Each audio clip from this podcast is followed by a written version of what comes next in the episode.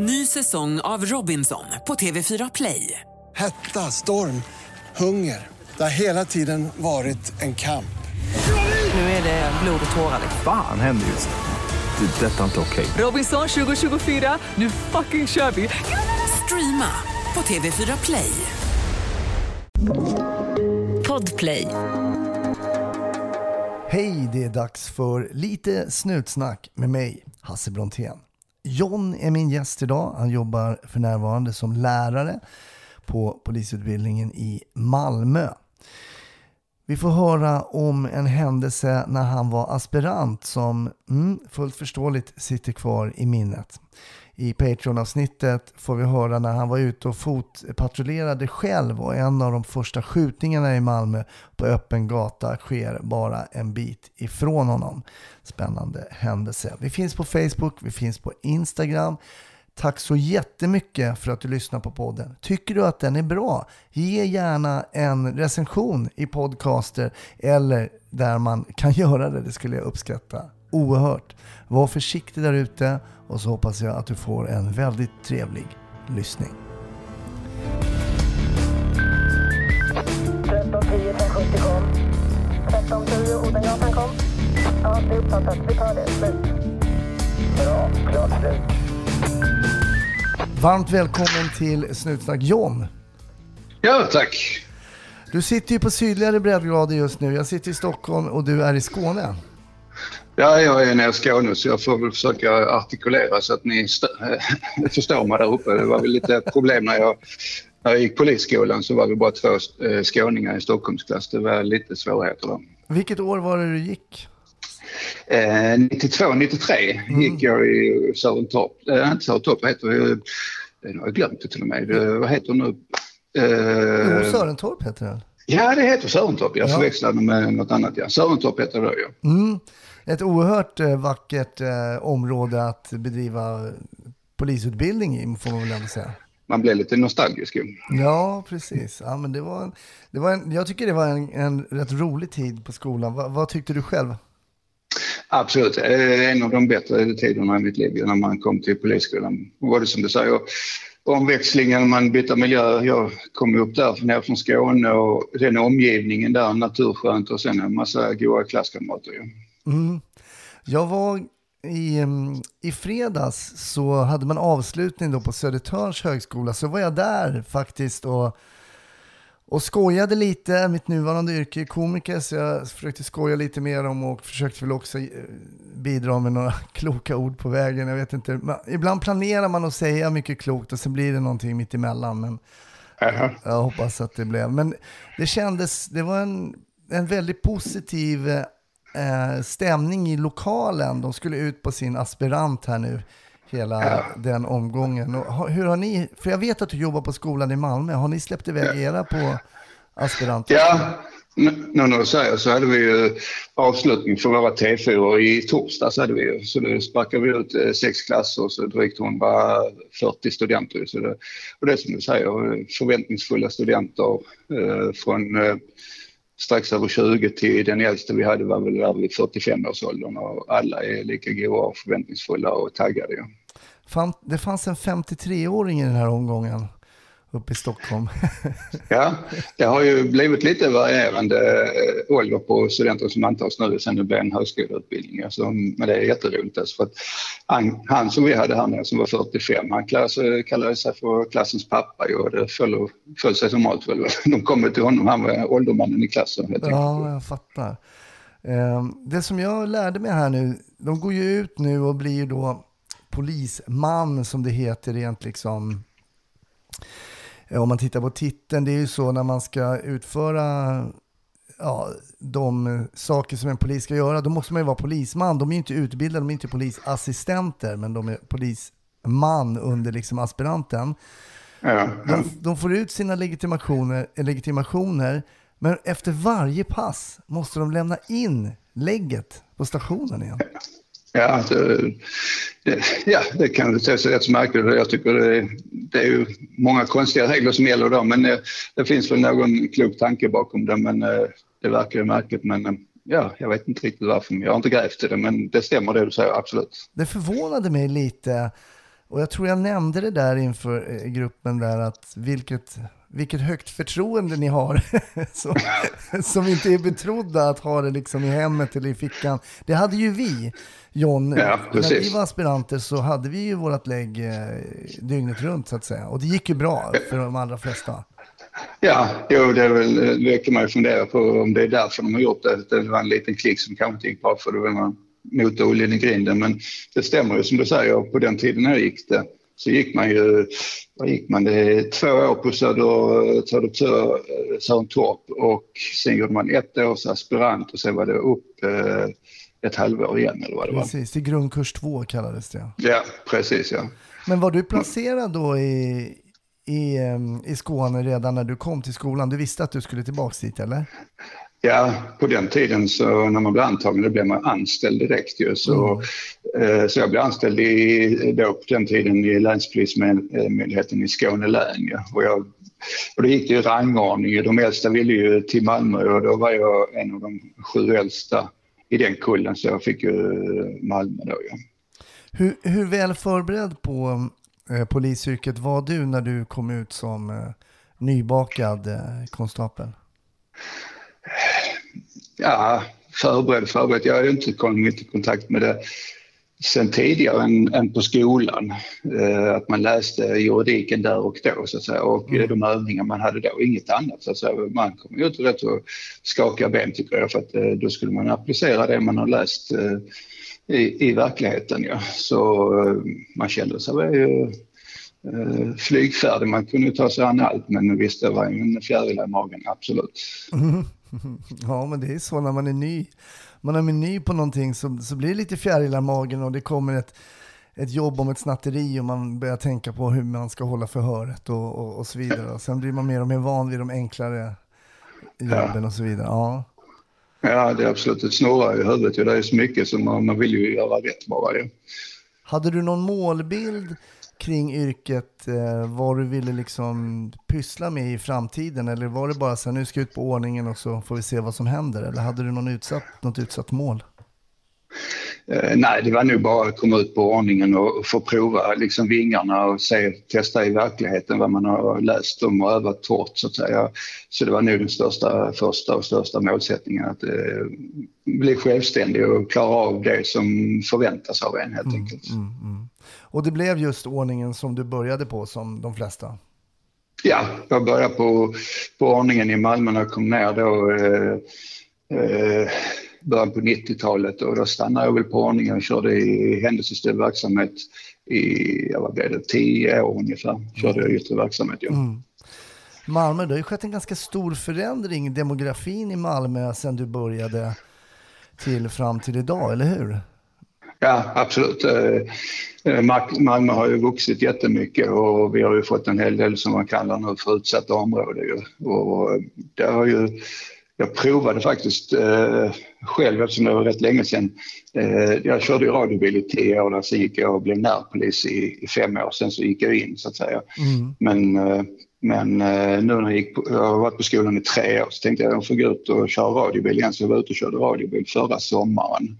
Och, och man märkte ju att det, det var en markant skillnad sen när man själv körde radiobil så att säga. Att det, det är ju, dels är det ju väldigt mycket mer att göra. HR ligger och pockar på uppe från ledningscentralen hela tiden. Ju.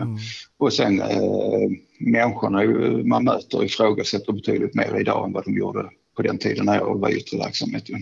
Är det så? Skulle du säga att det är den mest tydliga skillnaden eh, kring när du lämnade radiobilen och var tillbaka förra sommaren? Att, att ehm, sättet att bli bemött, är det, är det den stor, största skillnaden?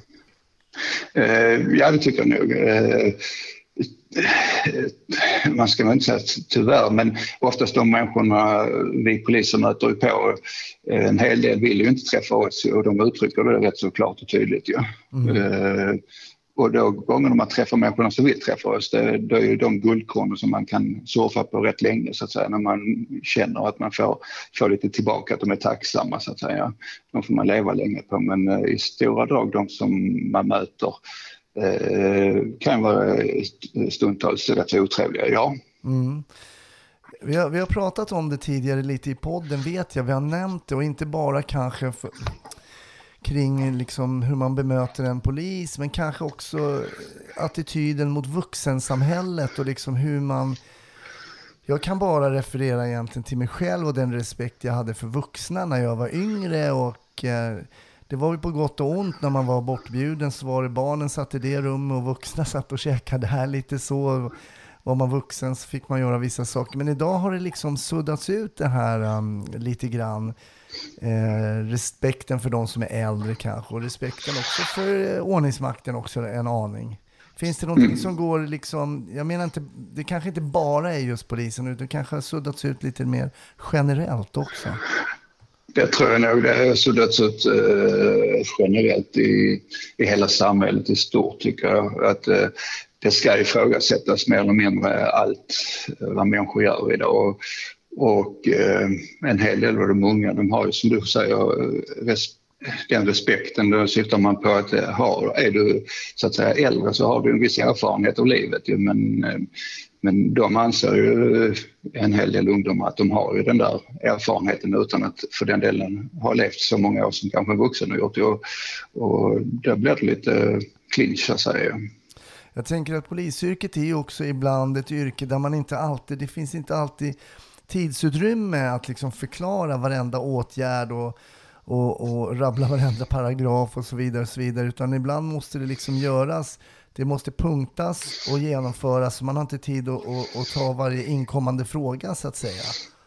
Nej, du, du måste ju eh, prioritera så att säga och, och du försöker vara väldigt mycket i yrkesrollen som polis tillmötesgående men, men eh, någonstans måste du ändå dra en gräns så att säga för att du har en uppgift att lösa ju. Mm. Och eh, då kan man kanske så att säga kallprata i, i en, en stund men märker att du inte får framgång i, i det samtalet då, så måste du liksom ta beslut och göra någonting åt det för annars så kan du stå där hela dagen ju.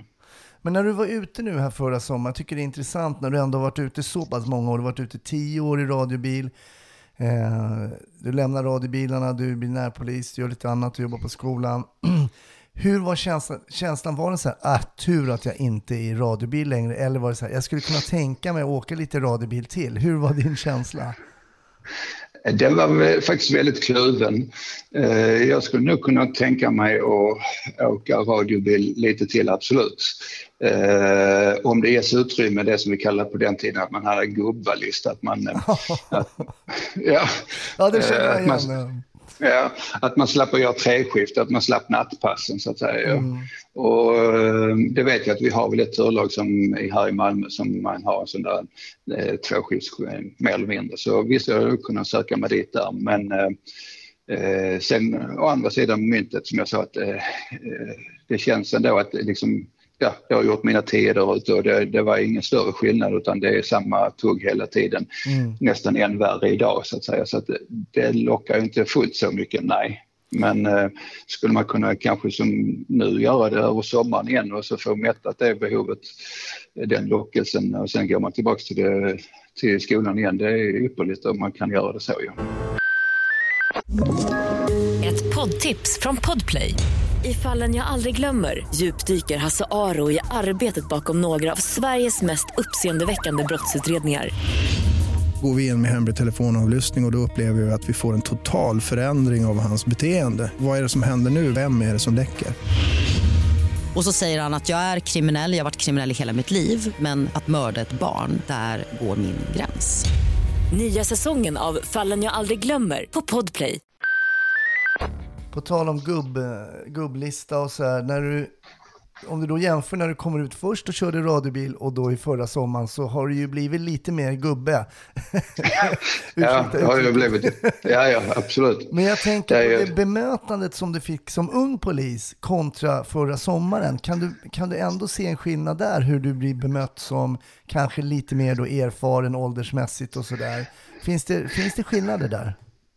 Ja, det får jag nog säga. Alltså, som ung, eh, när man var ung då och de som kommer ung, ut ung idag, de blir ju ifrågasatta, precis som jag sa. Ju. Och det är kanske med all rätt att man ifrågasätter. Men som ung polis då så, eh, så eh, de som ifrågasätter drar, drar, drar det rätt så långt. Men när jag kom ut nu som 53 år och körde rörbil förra sommaren. Liksom, då lät man ju dem dra till en viss gräns, sen sa man till och då tystnade de faktiskt. Så de hade väl, om vi nu pratar om respekt, att, eh, att eh, när jag sa nu räcker det, så här får det bli. Och då, då köpte de det helt enkelt. Ja. Mm, mm. Du berättar också att nu är du lärare på skolan och har varit det i tre år.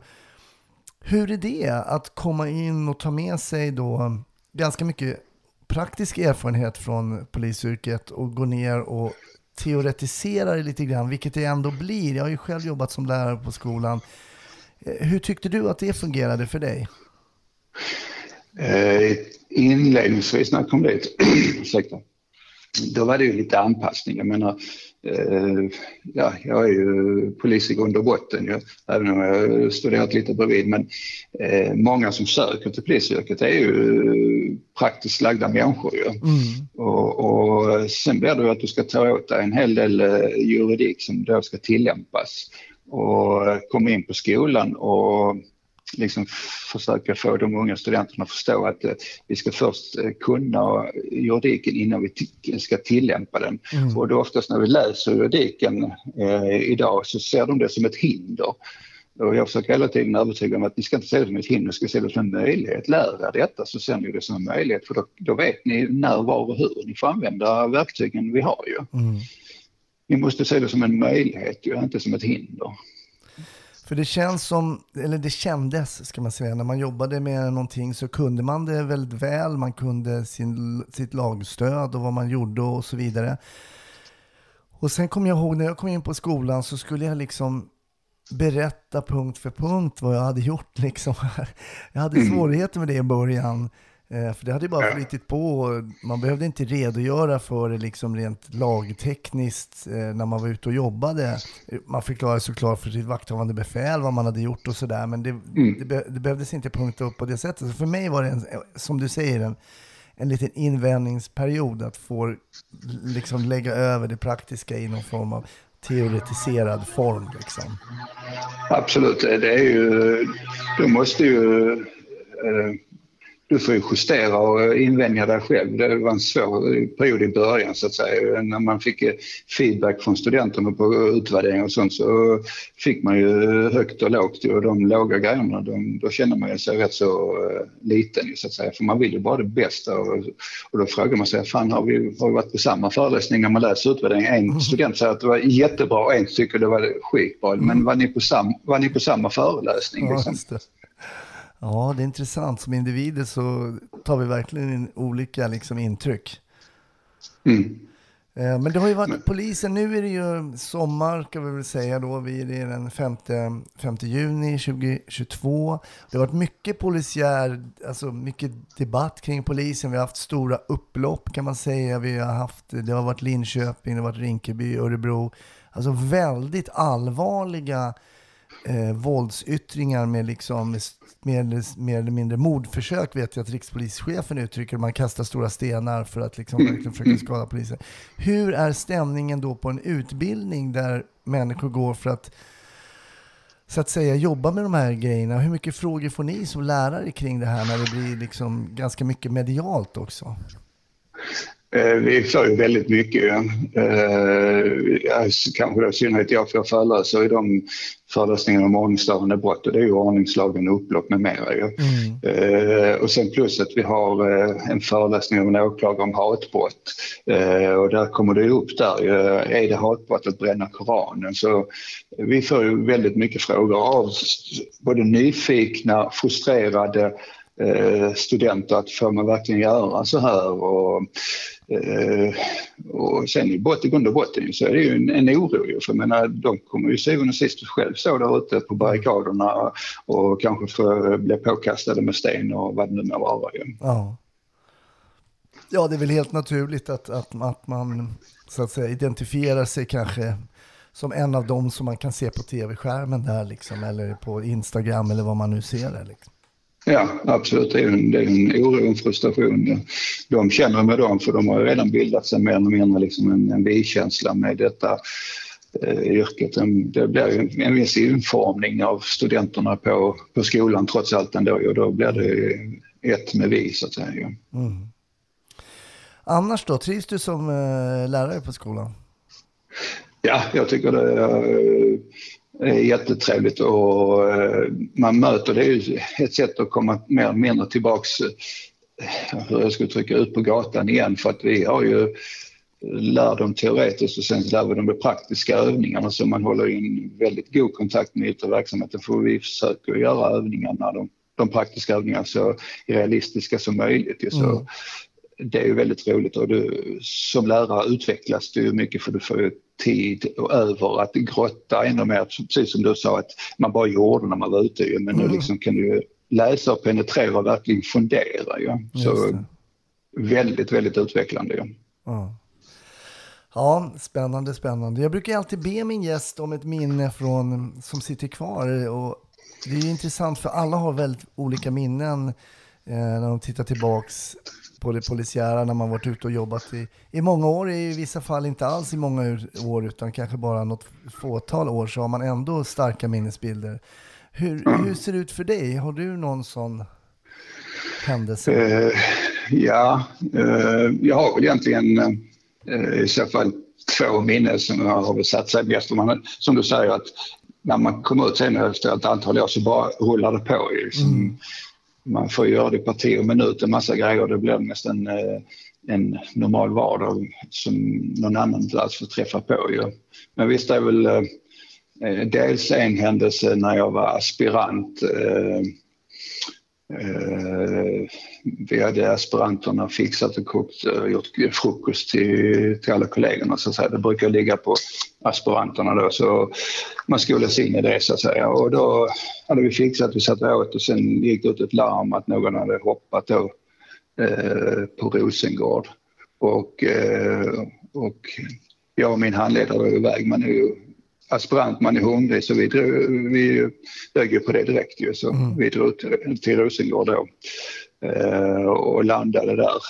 Och eh, mer eller mindre direkt när man steg ur bilen så hör man precis som en, eh, som en hund som blir slagen som ylade så att säga. Eh, och då tänkte man, ja vad fan är det? Och så sprang man in på gården då. Och eh, då var det en, eh, en mamma som eh, satt med sin tonårsdotter ner på gården då ju. Hon höll eh, överkroppen i sin famn och, och skrek ut sin sorg. Och då hade dottern hoppat och när man kom fram så, ja, det såg inte så bra ut så att säga. Hon hade hoppat från tolfte våningen och sånt ju. Oj. Så eh, det var väl en som etsade sig fast lite. Man såg henne och sen i synnerhet när man fick den blicken av eh, en spräckt skalle och det som hade så att säga poppat ut därifrån då ju. Om hennes ylande där bredvid ju, det, det, då fick man ju gåshud så att säga. Det, det var väldigt eh, rörande ju. Ja, jag förstår det. Jag får en sån här tanke nu. Det har ju varit lite... Det är ju nu i, i, i media så har det, man pratar hederskultur och mycket flickor som ramlar från, oftast det är väldigt få pojkar som ramlar ner från balkonger och det kanske är, är rena slumpen men i vissa fall så handlar det ju om eh, någon form av hedersrelaterat. Eh, Var, var det någonting sånt i det här fallet eller? Nej, Jag förstår precis vad du menar för det är ju väldigt mycket sånt som omskrivs idag. Och detta var ju drygt eh, 30 år sedan men eh, jag försökte ju luska lite i det därefter för att vi, vi blev ju avlösta där sen där när räddningstjänsten hade kommit och fler patruller landade ju. Så blev jag och min handledare avlösta då ju. Eh, och sen eh, letade jag upp ärendet sen en, en tid senare för att läsa om det och då hade ju hade ju mamman i det fallet eh, själv eh, berättat att det var både de två som var hemma i lägenheten och dottern av någon anledning psykiskt sjuk eller vad det nu må vara hade själv, själv, gått ut på balkongen och eh, klättrat över och hoppat så att säga. Så där låg ingen hedersproblematik där bakom så att säga. Nej. Men, Nej, man, lå, man låter kanske lätt fördomsfull när man ställer frågan, men, men ehm, den känns ju aktuell Ja, en- i, i, i Ja. vissa fall nu. Mm. Absolut, det är, det är en berättigad fråga. Ju att, eh, eh, det är ju vårt jobb. Att, eh, menar, det kanske var att människorna har hoppat själv men vårt jobb är ju faktiskt att utröna om, om, eh, om det är ett brott bakom det. ju. Eh, och det är väl helt normalt att man eh, så att säga då tittar på den saken utan att för den delen kanske vara författad mening. För det ligger i vårt arbete helt enkelt. Mm. Sen, sen har man hållit på med och läst så mycket man blir påverkad. Ju. Mm.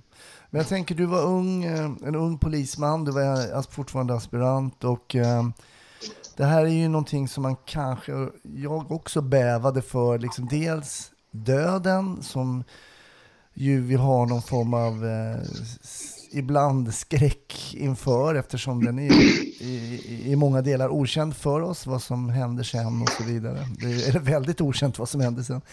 Eh, Men också den här i kombination med den här brutala sorgen, i det här fallet en mor som håller liksom sin dotter. Det kan ju inte bli mer eh, emotionellt nästan. Ja, det var väldigt påträngande och det, det är därför jag känner att det, är väl för det har ju varit på, på en hel del dödsolyckor och självmord sen därefter. Men eh, de, som jag säger, de har ju de har bara passerat för det har blivit jag kan inte säga att det har blivit en normalisering, men man har varit- varit rätt så många. Men då var jag helt ny och det var första jag åkte på och sen bilden kopplat till hennes, eh, hennes skrik. Liksom, den, den, den, den var rätt så djup, den får jag säga, och den har jag alltid dragit med mig. Så att säga. Det har jag. Vad gjorde ni initialt? Ni kommer först där. Vad, vad, vad kan man göra som polispatrull i, i, i ett sånt här läge när man kanske också inser att det är så att säga, ibland är ju är ju livsräddande åtgärder inte nödvändiga eftersom det är uppenbart. Men vad, vad kan man göra som polispatrull i ett sånt här läge? Ja, först och främst får man väl så att säga säkra så att inte folk kommer för nära. För folk, detta var ju tidigt, jag tror vi, de morgonpassen på den tiden började vi ju kvart i sex på morgonen jag tror vi fick det larmet ja, strax därefter vid sextiden ju. Så vi drog ut där ju och folk började ju vakna av att hon skrek ju så och titta på balkong och komma ner på gården så man fick väl försöka hålla dem en bit ifrån ju. Inte för att det är beteende som är lite idag att folk filmar, det gjorde de inte på den tiden. Ja. Eh, Men ändå, det var ju väldigt privat för henne och då vill man inte få sig komma nära. Och sen var det att försöka ja, ta sig åt henne i den mån man kan så att säga. Och utan att för den delen, för det var väl ändå ett eh, bekräftelse och sorgarbete som redan påbörjade med hennes chocktillstånd. Att man i, slet henne från, från dottern där var väl inte riktigt aktuellt utan låta henne hålla där så att hon lugnar ner sig och sen försöka övertala henne att släppa henne när ambulansen kom. Det blev ju mest normalt så att säga för att då skulle hon tas från platsen. ju. Men, li- men liksom ta henne från dottern när inte ambulansen hade landat och så bara dottern ska ligga där utlämnad för sig själv. På, det hade ju inte funkat utan man, där får man försöka ha lite fingertoppskänsla. Ja. Mm, mm, det, är inte alltid, det är inte alltid helt enkelt. Nej, det, är, för varje situation är ju helt individuell. ju, Så det, man får bara eh, försöka känna, men hade du varit utsatt för detta själv, hur hade du velat bli bemött? Liksom? Mm. Så, och det är jätte- jättesvårt att sätta sig in i den situationen. Ja.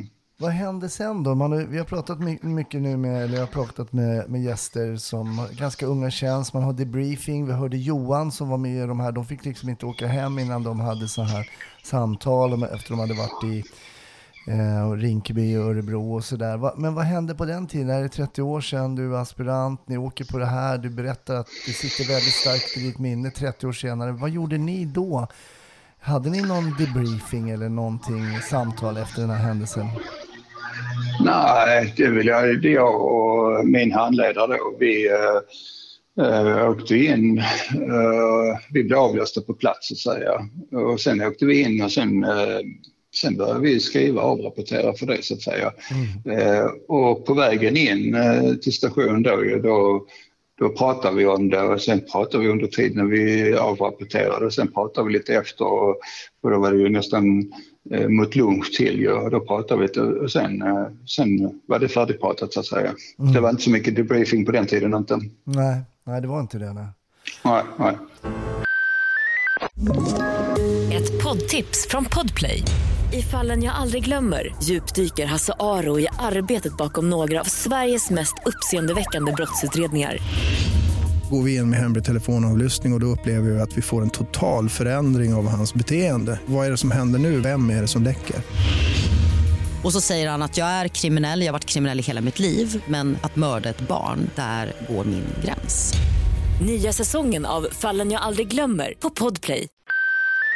Du nämner också att du har varit på, på flera andra dödsfall. det har också varit på sådana eh, självmordsförsök. Och jag vet inte om du nämnde ordet avtrubbad, men är det det att man blir van eller blir man avtrubbad?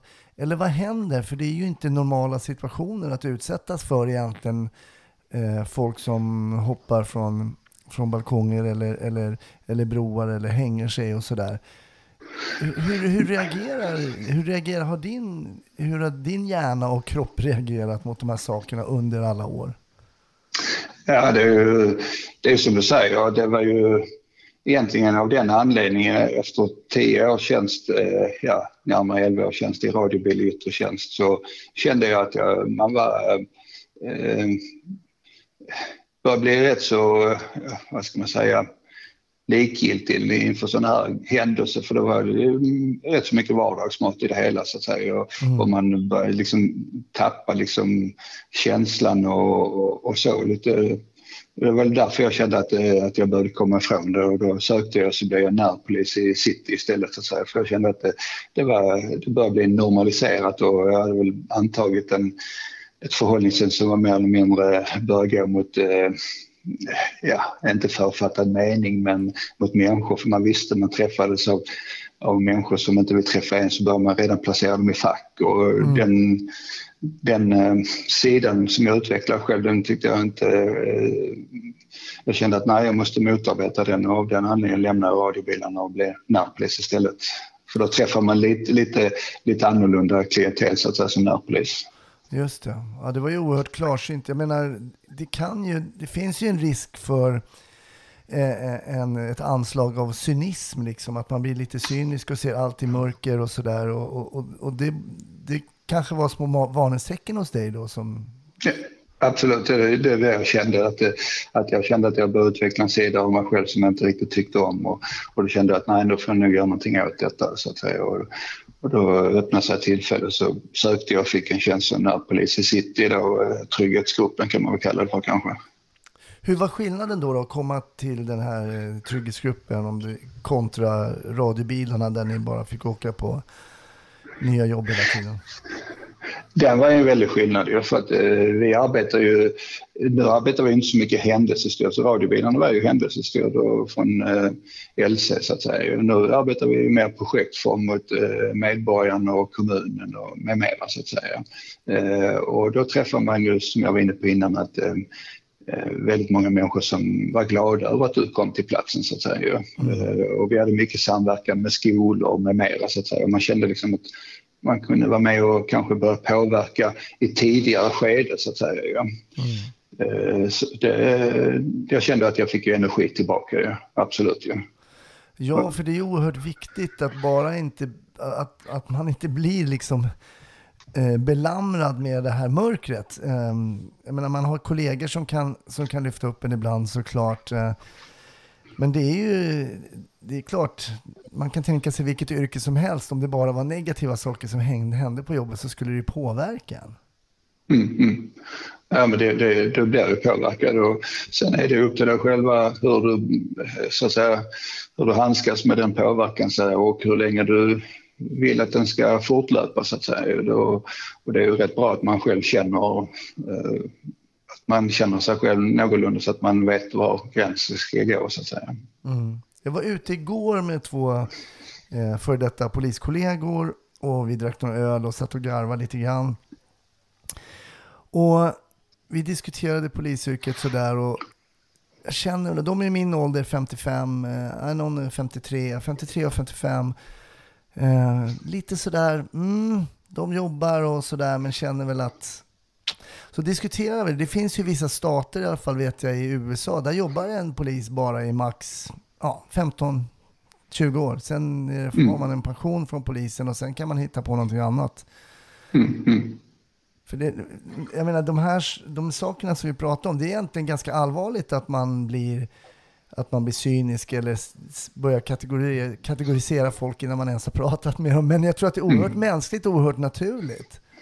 Absolut, det tror jag också. För att, som du säger, att du blir cynisk. Du, du träffar ju de här människorna eh, och du vet ju nästan att eh, eh, att du, hur du kommer bli bemött och då, då har du redan en författad mening innan du går in i situationen. Och, och, och det, är inte, det är inte så bra. För jag menar, varje individ, varje situation är ju helt individuell och då måste du ju helt enkelt bemöta den hur jag ska trycka det, nollställd, ge han eller hon chansen så att säga utan att du ska ha applicerat dina författade meningar på situationen. Och, för då får han eller hon kanske inte en rättvis bedömning. Ja. Nej, precis. Men jag menar, du har ju själv, eh, jag vet inte, du kanske inte kommer gå i pension som polis, det vet man aldrig, men har du någon, har du någon ny målbild? Jag menar, nu är du på skolan, du har varit där i tre år, du kommer kanske vara kvar, kvar där, men vad, vad, kan man ytterligare göra som då lite mer ah, plus 50 konstapel? Liksom? Finns det några tankar kring det? Ja, eh, jag vill, där finns ju oerhört mycket att prova på inom eh, så att säga eh, Polismyndigheten.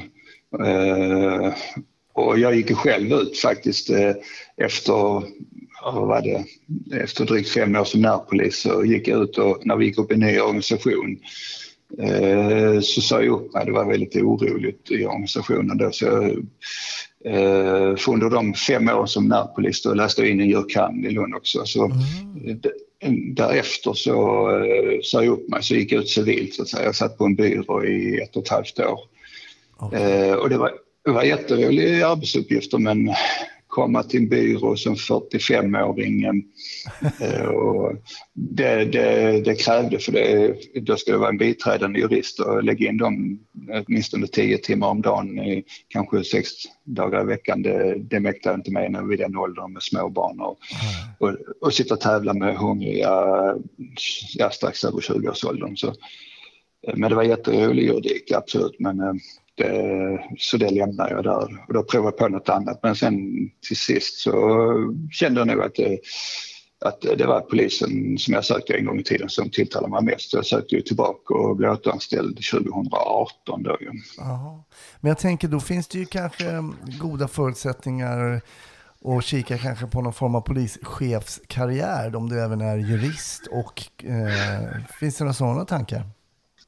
Eh, Ja, absolut. Eh, jag, jag känner nog ändå även eh, om det skulle kunna vara ett alternativ så vill jag nog eh, behålla den här nära kontakten med den gräsrotsnivån så att säga. Och, och det har varit roligt sen jag kommit här på, på polisskolan så, så där kanske är, ligger den riktningen i så fall. Jag har ju eh, faktiskt eh, sökt och Eh, blivit erbjuden, eh, inte erbjuden kan man inte påstå, jag har sökt och fått en tjänst nere på Polisskolan som adjunkt då. Sen vet jag inte riktigt om eh, hur jag ska ställa mig till den saken. Ja.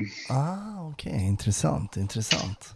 Varför sökte du dig i grunden till polisyrket? Varför blev det just polis för dig John? Ja, det har varit en, en, en bråkig bana dit här, så att säga. I, i grund och botten så var jag rätt så skoltrött. Så då, eh, jag är fordonsmekaniker i grunden så att säga. Ja, okay. Och eh, det är tvåårig gymnasiet så jag kunde inte eh, söka till polisen då helt enkelt. Men jag arbetar på Rosengårdsskolan som elevassistent och gymnastiklärare. Och där kom jag i kontakt med polisen eh, en hel del eh, på Rosengårdsskolan och pratade med de poliserna som kom dit och kände att mm, detta kanske skulle vara någonting för mig. Så då, var ju, då läste jag mitt eh, gymnasiebetyg på komvux och fick ett treårigt betyg. Och sen sökte jag till polisen så var väl den vägen in så att säga. Mm.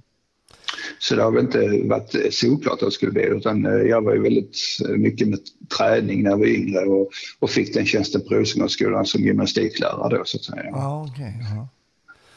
Men du som är på skolan nu, ni Eh, utbildar eh, studenter, man pratar mycket om eh, det är för få poliser i Sverige, alltså man pratar numerären, man pratar lönen. Vad krävs av framtida svensk polis för att vi ska liksom... Det var också en artikel i Svenska Dagbladet i veckan om att man inte kan lösa mordfallen. Det är ganska mycket eh, kritik och också kommer lite kritik inifrån själva myndigheten nu också, att man inte är riktigt nöjd med. Vad tror du, vad, vad tror du vi måste, är det något vi behöver tillföra till svensk polis eh, i framtiden? Är det lön eller numerär eller vad, vad, vad kan det vara? det är nog eh, eh, lite av varje så att säga. Numerären behöver vi absolut ju. Mm. För att vi, det är ju fler ärenden, det händer ju mer hela tiden så vi behöver absolut bli fler. Men sen å andra sidan så är det ju den sitsen att vi behåller ju inte personalen som som blir anställda ju, av olika anledningar. Och sen om det är för att det är för lite lön eller om det är för att det är ledningen, det, det tycker ju individer är, det är helt individuellt så att säga. Mm. Men eh, eh, det är ju något som bör komma till för att eh, även om vi fyller på så slutar det mycket och de som slutar det är väl oftast de som kanske eh, som får, eh, man ska väl inte kanske påstå nyckelpositioner, men de, det är kanske de som är äldre tjänst som har en bra erfarenhet och, och kanske något lite extra, precis som jag har blivit erbjuden den här tjänsten nu. Så mm. Det civila samhället plockar mycket russin i kakorna, eh, i kakan så att säga. Uh, och då förlorar ju Polismyndigheten väldigt mycket erfarenhet. Ju. Mm. Och uh, kadern som blir kvar blir ju väldigt unga. Ju. Ja. Och uh, det är ju inte så bra för verksamheten så att säga. Men om man tittar tillbaka, min pappa jobbade ju också som polis. Om man tittar tillbaka så det blir ju, om vi säger de som går på skolan nu, då är väl två generationer bak. Min pappa var ju 40-talist. De minsann, det var inte många som försvann där från yrket. Där gick man eh, hela vägen till pension och det var liksom nästan ingen inget att diskutera utan det var en gång polis, alltid polis. Det har ju verkligen mm. ändrat sig. Eh, hela det här att byta jobb och även från polisen. Ja, det är ju, det är väl eh, om man får uttrycka sig symptomatiskt för hela samhället. Eh, eh, ungdomar idag är väldigt rörliga och prövar på ju väldigt mycket och är man inte ny så prövar man på något annat ju. Mm. Eh, men sen å andra sidan de som har den förmånen att kunna pröva på eh, det är ju de som kanske är utbildade ju för att eh, har du ingen utbildning så har du kanske inte den möjligheten ju. Mm. så man får väl ändå slå ett slag för utbildningen. Men sen blir det ju ett moment 22 så får du en bra utbildning så söker du till polisen och så är allt annat som lockar utanför eh, förmåner och lön. Ja. Mm. Så, och, eh, sen andra sidan så får Polismyndigheten inte, inte vara löneledande men, eh, men de måste göra något för att behålla personalen. Ja. Mm. Mm. Ja, det är en nöt att knäcka för, um, för polisledning och politiker kanske också. Så att det börjar rulla. För jag menar, svensk polis, visst, man ska ju ta kritik och ibland är ju kritik mot svensk polis eh, befogad. Och det ska ju givetvis. Mm. Men det som jag tycker att det aldrig nämns, att svensk polis står sig oerhört bra i jämförelse. Jag brukar alltid säga det när folk vill säga, vilket, du får byta polis med vilket land du vill. Eh, mm. och då är, då är det inga tydliga svar vilka de vill byta med riktigt. Står, vi står oss ju, nu säger jag vi då, men svenska polismyndigheten och svenska poliser är ju oerhört välutbildade. Absolut, det tycker jag. Eh, och det inser ju också det civila samhället. Att det, är ju, det är ju välutbildade människor och eh, poliser det är ju drivna människor och eh, de har ju civila samhället fått upp ögonen för ju att sådana drivna människor har vi nytta i, i deras organisationer och då, då lockar de ju. Och, och då för att Polismyndigheten ska behålla, då måste de ju kunna erbjuda eh, motsvarande, för annars lämnar ju ja. folk ju. Ja. Men jag tänker nu har ni, du berättade era termin fyra hade lämnat. vad, vad ger du för råd som erfaren eh, konstapel till unga eh, nybakade nu här? Vad, vad, ger du för råd när de ska ut liksom och, och jobba skarpt så att säga för första gången? Vad, vad ger du för råd? Eh, två råd brukar jag väl ge egentligen. Det är att, eh, eh, och de hänger väl ihop kan man säga, precis som vi pratade om, pratade om innan. Att, eh, att de är nyfikna och hungriga. Liksom, och sitter inte på, på händerna utan eh, vill ni något så måste ni ta er an det. Det kommer inte till er själva. Eh, sen samtidigt så vara ödmjuka för att det finns människor i organisationen som har kunskap och, och, och, och den ska man inte så att säga förkasta Nej. utan eh, ta, ta till och lära av andra som har varit längre i myndigheten också. Mm. Oj vad man har lärt sig av äldre kollegor, ibland till och med utan att man har förstått det. Men eh, det blir ju så omedvetet att man, det man ser är framgångsrikt eh, polisiärt arbete, det försöker man ju kopiera då. Mm. Och ibland, Mm, kanske, absolut. ibland kanske inte heller medvetet. Ja. Men John, eh, hur mycket polisfilmer och polisserier blir det för dig om kvällarna?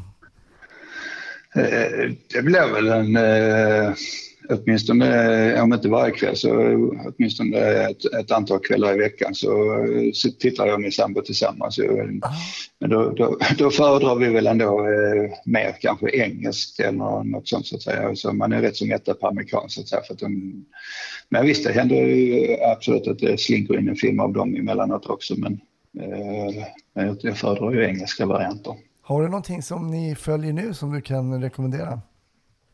Ja, Den vi ser på nu för tillfället eh, det är den Staircase eh, ser vi på. Och den, den var rätt så spännande. Som har då eh, blivit anklagad för att han eh, har mördat sin fru genom att skjuta ner henne för trappan och sånt där hemma. Och sånt, så, och han blev dömd för det och nu är det ju upp till en andra rond om han ska bli frikänd eller inte frikänd så att säga. Ah, okej. så, så den är rätt så trevlig tycker jag. Kan du lägga undan eh, alla dina polisiära erfarenheter och, och, och liksom släppa axlarna och bara låta dig bli underhållen när du kollar på uh, polisserier? Eh, nej, man tittar ju med, jag menar ändå efter ett antal år i yrket så tittar, tittar man oftast med, med polisögon och, och, och blir förvånad hur de, de som gör filmerna har tolkat och gör vissa grejer så att säga. Så visst, det, det kopplar väl på eh, eh, det polistänket, absolut. Det är kanske omöjligt att, att, att släppa det. John, eh, stort tack eh, för att du har varit med i ett avsnitt av Snutsnack. Det uppskattas verkligen. Kul att höra. Vi ska prata vidare i ett Patreon-avsnitt och där är jag lite nyfiken vad ditt andra minne, starka minne är. Men tack så länge. Ja, tack själv, det var trevligt att få vara med.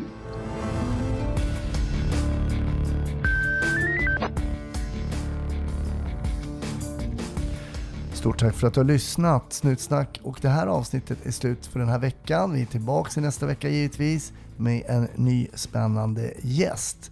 Vi ses på sociala medier fram tills dess. Ta hand om dig. Hej då.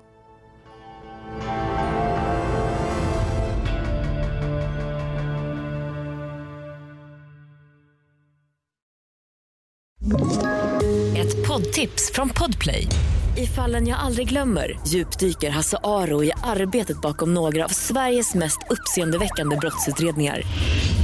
Går vi in med hemlig telefonavlyssning och, och då upplever vi att vi får en total förändring av hans beteende. Vad är det som händer nu? Vem är det som läcker? Och så säger han att jag är kriminell, jag har varit kriminell i hela mitt liv men att mörda ett barn, där går min gräns. Nya säsongen av Fallen jag aldrig glömmer på Podplay.